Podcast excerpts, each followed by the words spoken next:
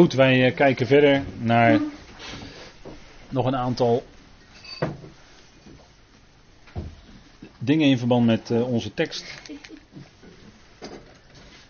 En we hebben het over die gave van die Paulus bracht bij de armen in Jeruzalem. En dat was ook in het kader van het principe dat Israël, die was tot, tot eh, ja laten we maar zeggen, tot aan het schrijven van de Efezebrief stond Israël op een hoger plan dan de andere volkeren, dan de natieën.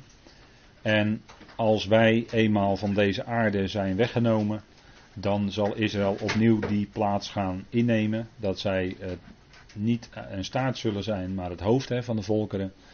Zij zullen weer staan dan aan de spits hè, in de tijd van de duizend jaar. Dan zullen ze koningen en priesters zijn. En in de tijd van uh, Paulus, zelfs nog in de tijd van uh, de Romeinenbrief, dat die Romeinenbrief schreef, was het nog steeds zo dat de Jood eerst en dan de Griek. Dus er stond Israël als volk op een hoger plan, om vanwege de geestelijke gaven die hun gegeven waren, stond Israël op een hoger plan dan de andere volkeren.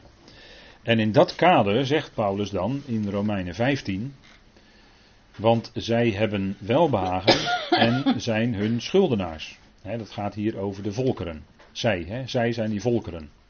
Want zij hebben welbehagen en zij zijn hun schuldenaars. Hun is dan Israël. Want indien de natieën deel kregen aan hun geestelijke, en dan vertalen we goederen, maar goed, dat woord, uh, hun geestelijke goederen, of daar waar ze geestelijk deel aan hadden, behoren zij ook met de vleeselijke hen te dienen. Dus dat was eigenlijk een uh, iets wat zij verschuldigd waren aan Israël, omdat de natie deel kregen. Hè, mensen uit de natie kregen deel aan dat wat geestelijk gezien aan Israël gegeven was. Het werd door Israël doorgegeven aan de natie. En omdat ze daar deel aan kregen, maar ze stonden nog steeds als volker op een lager plan dan Israël tijdens de Romeinen. Zijn zij verschuldigd, hè, behoorden zij, zijn zij verschuldigd ook met de vleeselijke, hè, in uw vertaling staat waarschijnlijk stoffelijke, maar letterlijk staat er eigenlijk vleeselijke, dus uh, materiële dingen, hen te dienen. Dus daar in dat kader was het volkomen terecht dat Paulus met die gave van de natie, van die gemeentes, ging naar de armen in Jeruzalem. Dat was in dit kader. En ik heb bewust even gezegd daarnet Efezebrief, want in de Efezebrief wordt duidelijk, en dat is heel bijzonder, en dat wordt door velen helaas niet gezien, helaas, helaas in Efeze 2 wordt, wordt de plaats genoemd van de natieën in het vlees. Vanaf vers 11, Efeze 2, vers 11 tot en met 22, wordt de plaats van de natie genoemd in het vlees. Dat woord vlees wordt daar nadrukkelijk gebruikt door Paulus. En dan eindigt hij dat stukje, vers 22, met in de geest. En dan zijn de natie op volkomen hetzelfde niveau als Israël gekomen. Dat is het bijzondere van Efeze 2. En dan is die middenmuur van afscheiding, die door de Soreg in het tempelterrein typologisch werd uitgebeeld. Die scheidsmuur, die Soreg. En die is eigenlijk door de dood van de Heer weggedaan. Hij heeft de, vijands, de vijandschap in zijn vlees is gedood, waardoor aan het kruis. Dat staat daar. En, en vanaf dat moment hebben de natieën op gelijk niveau als de gelovigen uit Israël deel aan de belofte in Christus Jezus. Dus die natieën zijn in deze tijd nog steeds, geestelijk gezien, op hetzelfde niveau. Israël staat niet langer in deze tijd, nog steeds niet op een hoger niveau. Nee, het is nog steeds hetzelfde niveau. Allen zijn één in Christus Jezus. En in de nieuwe schepping maar dan grijp ik terug naar de gelaten brief, gelaten 3. In de nieuwe schepping is er geen vleeselijk onderscheid meer, maar is er alleen geestelijke zegen. En is dat onderscheid tussen Jood en Griek, tussen slaaf en vrije, tussen mannelijk en vrouwelijk. In Christus is dat allemaal weggevallen. En ik refereer nu aan Galaten 3, vers 27 en 28. We hebben dat besproken. En in Efeze 2 maakt Paulus dat helemaal duidelijk. Dan is die middenmuur van afscheiding is weggebroken. En de natieën en Israël zijn geestelijk gezien op precies hetzelfde niveau gekomen. Dus dan is het niet meer eerst de Jood en dan de Griek, maar dan is het op gelijk niveau. In Christus, Christus is alles en in allen in de gemeente. En daarin is dus geestelijk gezien totaal geen onderscheid meer. En we kijken ook niet naar elkaar, naar onze afkomst in het vlees. Dat is totaal niet meer van belang. Vandaar dat Paulus tegen Timotheus zo ernstig waarschuwt dat de mensen zich niet bezig zouden houden met eindeloze geslachtsregisters. Want die hebben meestal te maken met dat mensen dan gaan zoeken of ze dan wel van de tien stammen zullen afstammen. Maar dat is helemaal niet meer relevant. Dat is helemaal niet meer van toepassing in deze tijd. Vandaar als je daarmee aan de slag gaat, ben je in feite bezig met het vlees en dat is, dat is weggedaan. We zouden het vlees voor, voor gekruisigd houden. Ook weer gelaten brief, hebben we dat ook besproken. Nou, dus, maar in deze tijd, Romeinen 15, is het nog steeds eerst de Jood en dan de Griek. En dan zijn die natie dus ook verschuldigd, de Israëlieten, met het materiële te dienen. En zo zal het straks ook zijn in de duizend jaar. Want dan zullen de koningen van de aarde, onder andere Willem-Alexander, als hij hier nog op de troon zit, dan zal hij ook als koning naar Israël moeten gaan en daar het Lovuttefeest vieren enzovoort. En dan is hij ook verplicht daar gaven te brengen. In Israël, aan Israël. Ondergeschikt aan Israël. Zo zal het zijn in de duizend jaar. dan moet hij komen bij koning David en dan moet hij daar die gaven brengen namens Nederland. in de duizend jaar, zo gaat dat dan. Goed, uh, Paulus predikte en diende de Corinthiërs om niet dus die Corinthiërs, die, hadden, die konden wat dat betreft, die hadden natuurlijk aan alle kanten hadden ze natuurlijk kritiek op Paulus. Aan alle kanten. Paulus die deed niet goed hoor bij die Corinthiërs. Hij uh, sprak niet goed. Waarschijnlijk te lang. En hij was waarschijnlijk te klein van gestalte voor die Corinthiërs. Ze hadden waarschijnlijk liever een wat langer iemand gehad. Als die, als die al klein van gestalte was, want dat is ook nog dubieus hoor. En uh, nou, met andere woorden, hij kon het gewoon niet goed doen in de ogen van de Corinthiërs. Die andere apostelen waren allemaal beter en die konden het allemaal waarschijnlijk beter zeggen en duidelijker en, en noem maar op. Hè. En, uh, maar één ding konden ze geen kritiek op leveren. Hij had nooit iets, maar dan ook iets gevraagd aan de Corinthiërs als ondersteuning. Niets. hij diende de Corinthiërs om niet, zegt hij. Kon hij, kon hij terecht zeggen. Laten we even lezen met elkaar. 2 Korinthe 11. Ja, 2 Korinthe 11. Oh ja, daar valt uh, heel wat uh, over te zeggen. Als we alleen al naar die eerste zes versen zouden kijken van 2 Korinthe 11, maar dat gaan we nu niet doen. Dat is weer een hoofdstuk apart. Maar als, zij een andere, als, een, als iemand kwam met de andere geesten, ontvingen ze dat grif. Waar, heb ik dat, waar merk ik dat meer tegenwoordig? Dat is tegenwoordig ook zo. Hier en daar. Of als er een andere Jezus wordt gepredikt. Als een andere Jezus wordt gepredikt. En die is heel scherp hoor. Een andere Jezus. Dan aanvaarden de Corinthiërs dat grif. Maar als het gaat om de Christus van de schriften. Komt wel eens zijn dat hij hier en daar niet zo welkom is, die prediking. De echte prediking van de Christus van de schriften. Kon wel eens zijn dat in sommige gemeentes zo'n prediking niet echt welkom is. Maar goed, dat zijn de eerste zes versen. Vers 7 gaat het om. Paulus zegt tegen de Corinthiërs: en het, er zit soms een ondertoon in van ironie hè, bij Paulus. Of heb ik zonde gedaan toen ik mezelf vernederde, opdat jullie verhoogd zouden worden? Want die Corinthiërs wilden graag heersen. Dat is zo des mensen. Hè. Gelovige mensen willen ook graag heersen. Die willen dan graag dat hun idee of dat hun principe doorgezet wordt. Dat wat zij willen, dat moet gebeuren in de gemeente. Ja, ja. Dat is zo menselijk, hè. Maar een mens wil graag macht. Dat is in evangelisch Nederland ook zo. Daar heb je mensen die zijn uit op macht. die willen graag het graag te zeggen hebben over anderen. dat is gewoon macht. Puur macht. Maar Paulus niet hoor. Paulus die deed gewoon een bewust een stap terug. Hij vernederde zichzelf opdat jullie verhoogd zouden worden. Ik heb jullie immers het evangelie van God om niet verkondigd. Kijk, dat kon hij zeggen. Paulus voorzag in zijn eigen levensonderhoud. Daar gaan we zo nog naar kijken. Andere gemeenten heb ik beroofd. dat woord beroofd is hier ironie. Hij gebruikt wel echt het Griekse woord voor beroven hoor. Maar dat is natuurlijk tussen aanhalingstekens, dat begrijpt u wel. Door een vergoeding aan te nemen ten dienste van jullie. En toen ik bij jullie was en gebrek leed, ben ik niemand van jullie tot last geweest. Dat kon hij zeggen. Dat konden ze in ieder geval, dat konden ze in ieder geval niet als kritiek op Paulus leveren. Hè? Vele andere dingen wel. Of dat terecht was is nog vraag 2. Maar goed, als het gaat om die gaven, nee. Want wat mij ontbrak, hebben de broeders die van Macedonië kwamen aangevuld. Onder andere van Filippi dus, hè, de Filippenzen. En in alles ben ik ervoor op mijn hoede geweest, jullie niet tot last te zijn. En ik zal er ook op mijn hoede voor blijven. Dus hier ging het even om uh, het ontvangen van uh, giften en dergelijke. Nou, Paulus had dat bij de Corinthiërs niet gedaan. Dus daarin was hij vrij. Want andere gemeenten hadden wat van tijd tot tijd wat gegeven, de Filippenzen vooral. En dat kunnen wij zien in Handelingen 18, was in die tijd ook heel gebruikelijk hoor, dat men een bepaald uh, handwerk leerde hè, om dan in het eigen levensonderhoud te kunnen voorzien. En dat was bij Paulus ook zo. Hij uh, kwam in Athene, dat is Handelingen 18, dat is dat bekende stukje. Paulus ging Athene uit, weg bij de filosofie. Hè?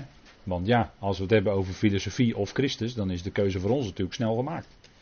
En dan gaat de filosofie de kliko in. En Christus blijft. En dat is ook veel beter, want daar heb je, dan heb je ook echte wijsheid. En hij kwam in Korinthe. En hij trof daar een Jood aan, van wie de naam Aquila was, afkomstig uit Pontus, die onlangs uit Italië gekomen was, en Priscilla zijn vrouw, omdat Claudius bevolen had dat al die Joden uit Rome weg moesten gaan en hij ging naar hen toe. Dat is ook in de andere geschiedschrijving is dat ook bekend geworden. Claudius die was toen keizer en die had bevolen, en dat was in 139 uh, eh, voor Christus ook al, was dat ook al een keer gebeurd in Rome. Toen moesten ook ineens alle Joden weg, omdat ze te veel uh, oproer zouden maken in de stad. Of zoiets, of er zal een uh, smoes verzonnen zijn om dat te doen. Maar het gebeurde toen ook weer. En toen werden Prisca en Aquila Priscilla en Aquila, die, werden dan, die moesten ook Rome uit en die kwamen ook in Korinthe. En daar ontmoetten zij Paulus.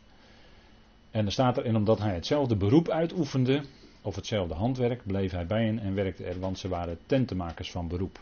En Paulus was dus ook tentenmaker.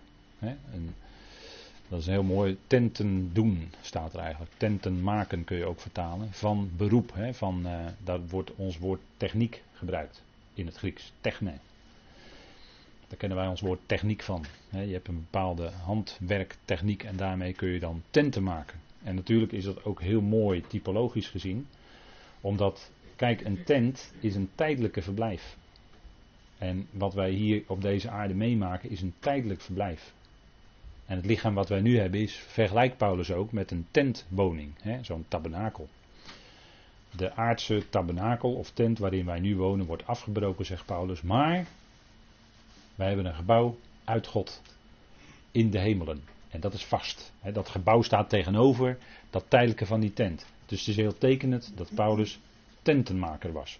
En dat werd in die tijd van dierenhuiden gedaan. En ehm, ik, ik heb wel eens een hele merkwaardige, maar dat is meer door de, uh, ja, iemand, iemand die denkt dan helemaal in het Joodse, denk ik dan. Uh, die, die zeiden dan op grond van deze tekst dat Paulus misschien wel van die gebedssjaals maakte, hè, van die Joden. Maar dat heb ik toch in deze tekst niet terug kunnen vinden. Hier staat gewoon het, gewoon het woord tent in het Grieks. Skene staat er in het Grieks. En dat is geen gebedssjaal van de Joden hoor. Dat is een tent, echt. En dat werd van dierenhuiden. En Prisca en Aquila waren dat ook van beroep. En Paulus ook staat hier, hè, van handwerk. Hè, dus uh, ja, dan Kijk, dan kan iemand dus door uh, ja, veel bezig te zijn met allerlei zaken vanuit het Jodendom, kan dat denken zodanig beïnvloed worden dat men dan op die manier de schrift gaat aanpassen aan het eigen denken. En nu zeg ik het heel netjes. Maar dan ga je er dus iets aan veranderen. Het staat er niet hoor. Het woord wat er staat is scannen en dat betekent tent daar, daar, hoor je ook het Hebreeuwse woord mishkan hoor je in doorkomen. He. Mishkan, dat is tabernakel. daar zijn we mee bezig geweest. En dat is het woord voor tent. Paulus zorgde voor eigen levensonderhoud. En bij gelegenheid stuurden de Filippenzen hem iets. Waren ze niet verplicht, deden ze geheel vrijwillig. Paulus had er niet om gevraagd, ze deden het wel. Nou, daar was Paulus geweldig dankbaar voor.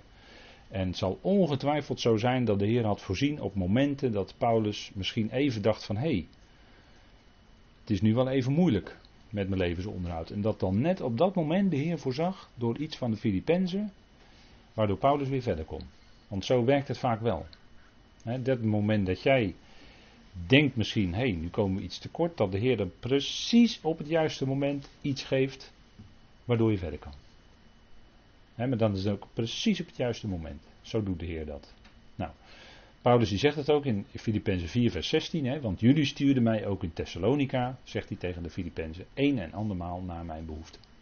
En op een of andere manier hadden ze dat kennelijk gehoord, maar zij deden dat toch helemaal op vrijwillige basis. En dat is uh, ja, toch wel iets bijzonders. Hè? En Paulus die zei ook van, kijk, iemand, 1 Korinthe 9, maar dat gaan we niet helemaal bespreken. Maar daar zegt hij eigenlijk hè, naar, naar uh, recht, bijbels gewoon gezien, had Paulus in feite het recht als evangelist om van het evangelie te leven. Was gewoon normaal. Hè, een dorsend os moet je niet muilbanden. Een arbeider is zijn loon waard enzovoort. Hè. Een soldaat betaalt toch ook niet zijn eigen soldij enzovoort. Dat soort argumenten gebruikt hij daar. Dus hij had, hij had van dat gerecht gewoon gebruik kunnen maken, maar hij deed niet. Waarom niet? Omdat hij daarmee wilde tonen wat genade betekent. Dat hij dat evangelie helemaal om niet vrij bracht. Hij, wilde er, hij hoefde er niet voor terug. En dat is nou genade. Dat is nou genade. Kijk, je ontvangt iets en dan, zeggen we, en dan zijn wij allemaal opgevoed met als je iets krijgt moet je dankjewel zeggen. Maar je ontvangt iets en als het van God is, dan strikt genomen hoef je niet eens dankjewel te zeggen, want het is genade. Je, je kunt er ook helemaal niks voor terug doen. En als je daardoor dankbaar wordt in je hart en je gaat God danken, ja, dat is natuurlijk geweldig fijn. En, en dat is ook wat je leest. En dat is ook wat we doen. Want het, dringt je gewoon tot dankbaarheid, natuurlijk. Maar het is genade, dus het is helemaal, totaal, compleet, 100% uit God. Dus niets van onszelf bij. Dat is nou genade. En, en dat, is wat, uh, ja, dat is wat voor mensen steeds weer moeilijk blijkt te zijn in de praktijk. Hè? Want hoe ga je nou om met genade in de praktijk? Hè? Hoe ga je nou daarmee om? En daar zit eigenlijk de vraag achter: wat moet ik nou doen? En dan zeg ik van ja, dat is genade. Wat moet ik nou doen? Als, goed, als jij overweldigd wordt door het evangelie, je zegt, Heer, gebruik me maar in uw dienst. Nou, prima, dan gaat de Heer je ook inzetten in zijn dienst. Ja, maar dat is genade. Paulus die zegt het ook, ik haalde het net al even aan. De genade van God die met mij is, daar wijst hij dan op hè, in 1 Korinthe 15. Twee, drie keer. Niet ik, niet ik. Maar de genade van God die met me is, die. Daar, daar, dat heeft het in, in zijn leven bewerkt en dat is ook wat we in de gelaten brief, denk ik, is, er, is dat toch een verdieping geweest in de genade. dat, dat we dat met elkaar besproken hebben. Dat we daar zo diep in zijn gedoken met elkaar.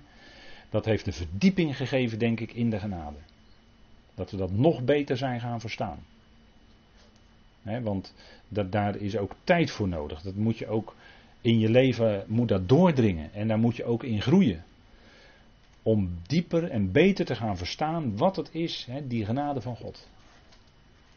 En, en soms kom je er pas na 10, 20 of 30 jaar als gelovige achter dat je inderdaad echt helemaal niets van jezelf hebt. Maar dat het alles van God is. Wat je hebt kunnen doen, wat je bent, de adem die je ontvangt. Paulus zegt dat toch ook, hè? Paulus zegt dat ook, maar daar, daar wil ik vanavond eigenlijk mee eindigen. En dat, dat is eigenlijk het geweldige, hè?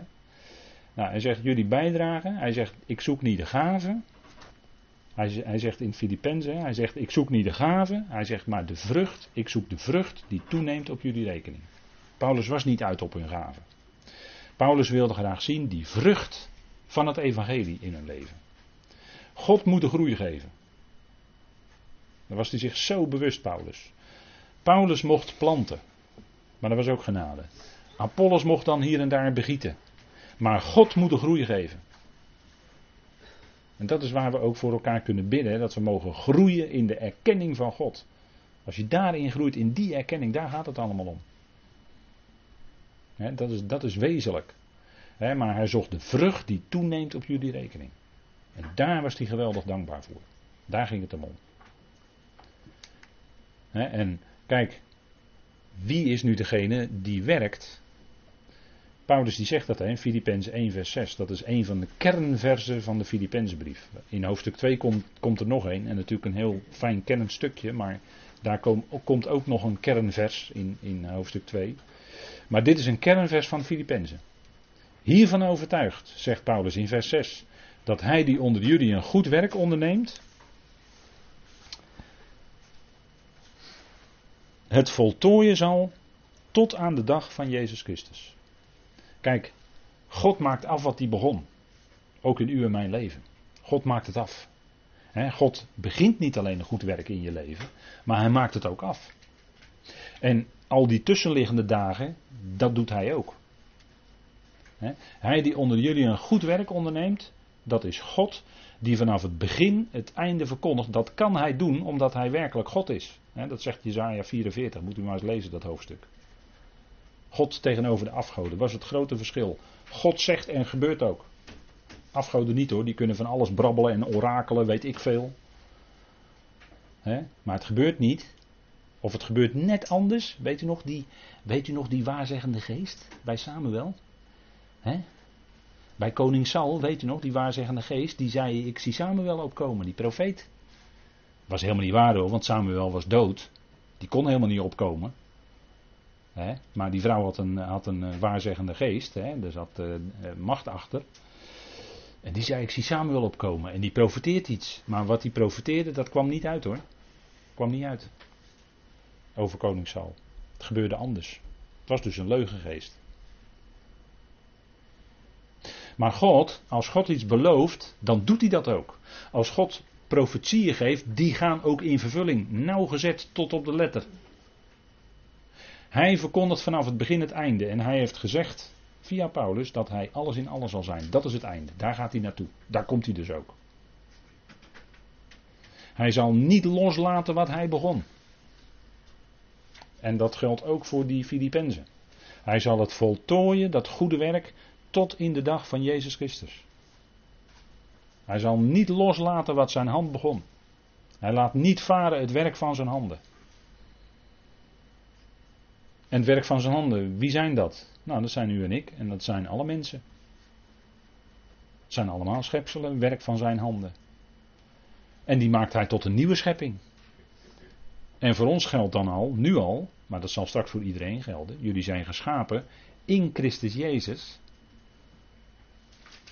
voor goede werken die God tevoren gereed maakt, opdat we daarin zullen wandelen. Je ziet het, God doet alles. Hè? We zijn zijn maaksel. Zijn maaksel. Het werk van zijn handen. En hij maakt dat af als hè, eh, de grote pottenbakker, kun je ook aan denken. Hè, werk van zijn handen, zijn maaksel. Hij zal niet loslaten wat hij begon. In uw, jouw en mijn leven. Hij zal het doen. Hij zal het blijven doen. Daar hebben we geen enkele onzekerheid over. Hè? Hij laat niet varen het werk van zijn handen. Hij heeft zijn zoon gegeven. Voor wie? Voor iedereen. Want toen hij stierf, stierven allen.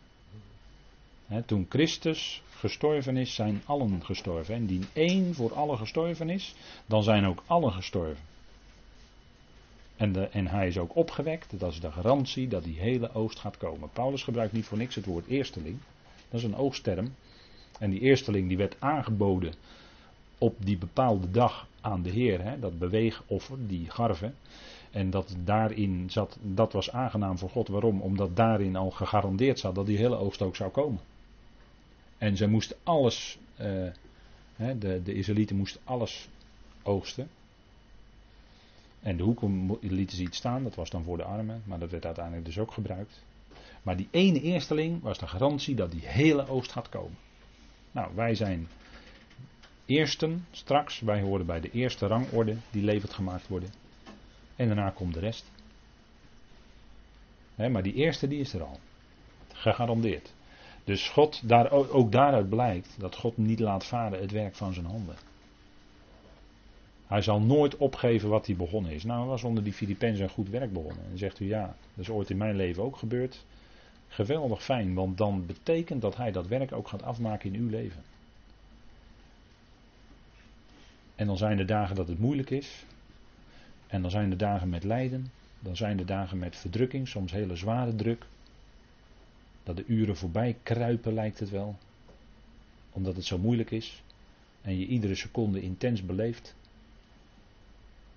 Maar dat zijn dagen waarop het werk van God nog niet af is. Het is nog in ontwikkeling. En het lijden is ook niet eindeloos. Maar als het werk van God af is, dan is er heerlijkheid.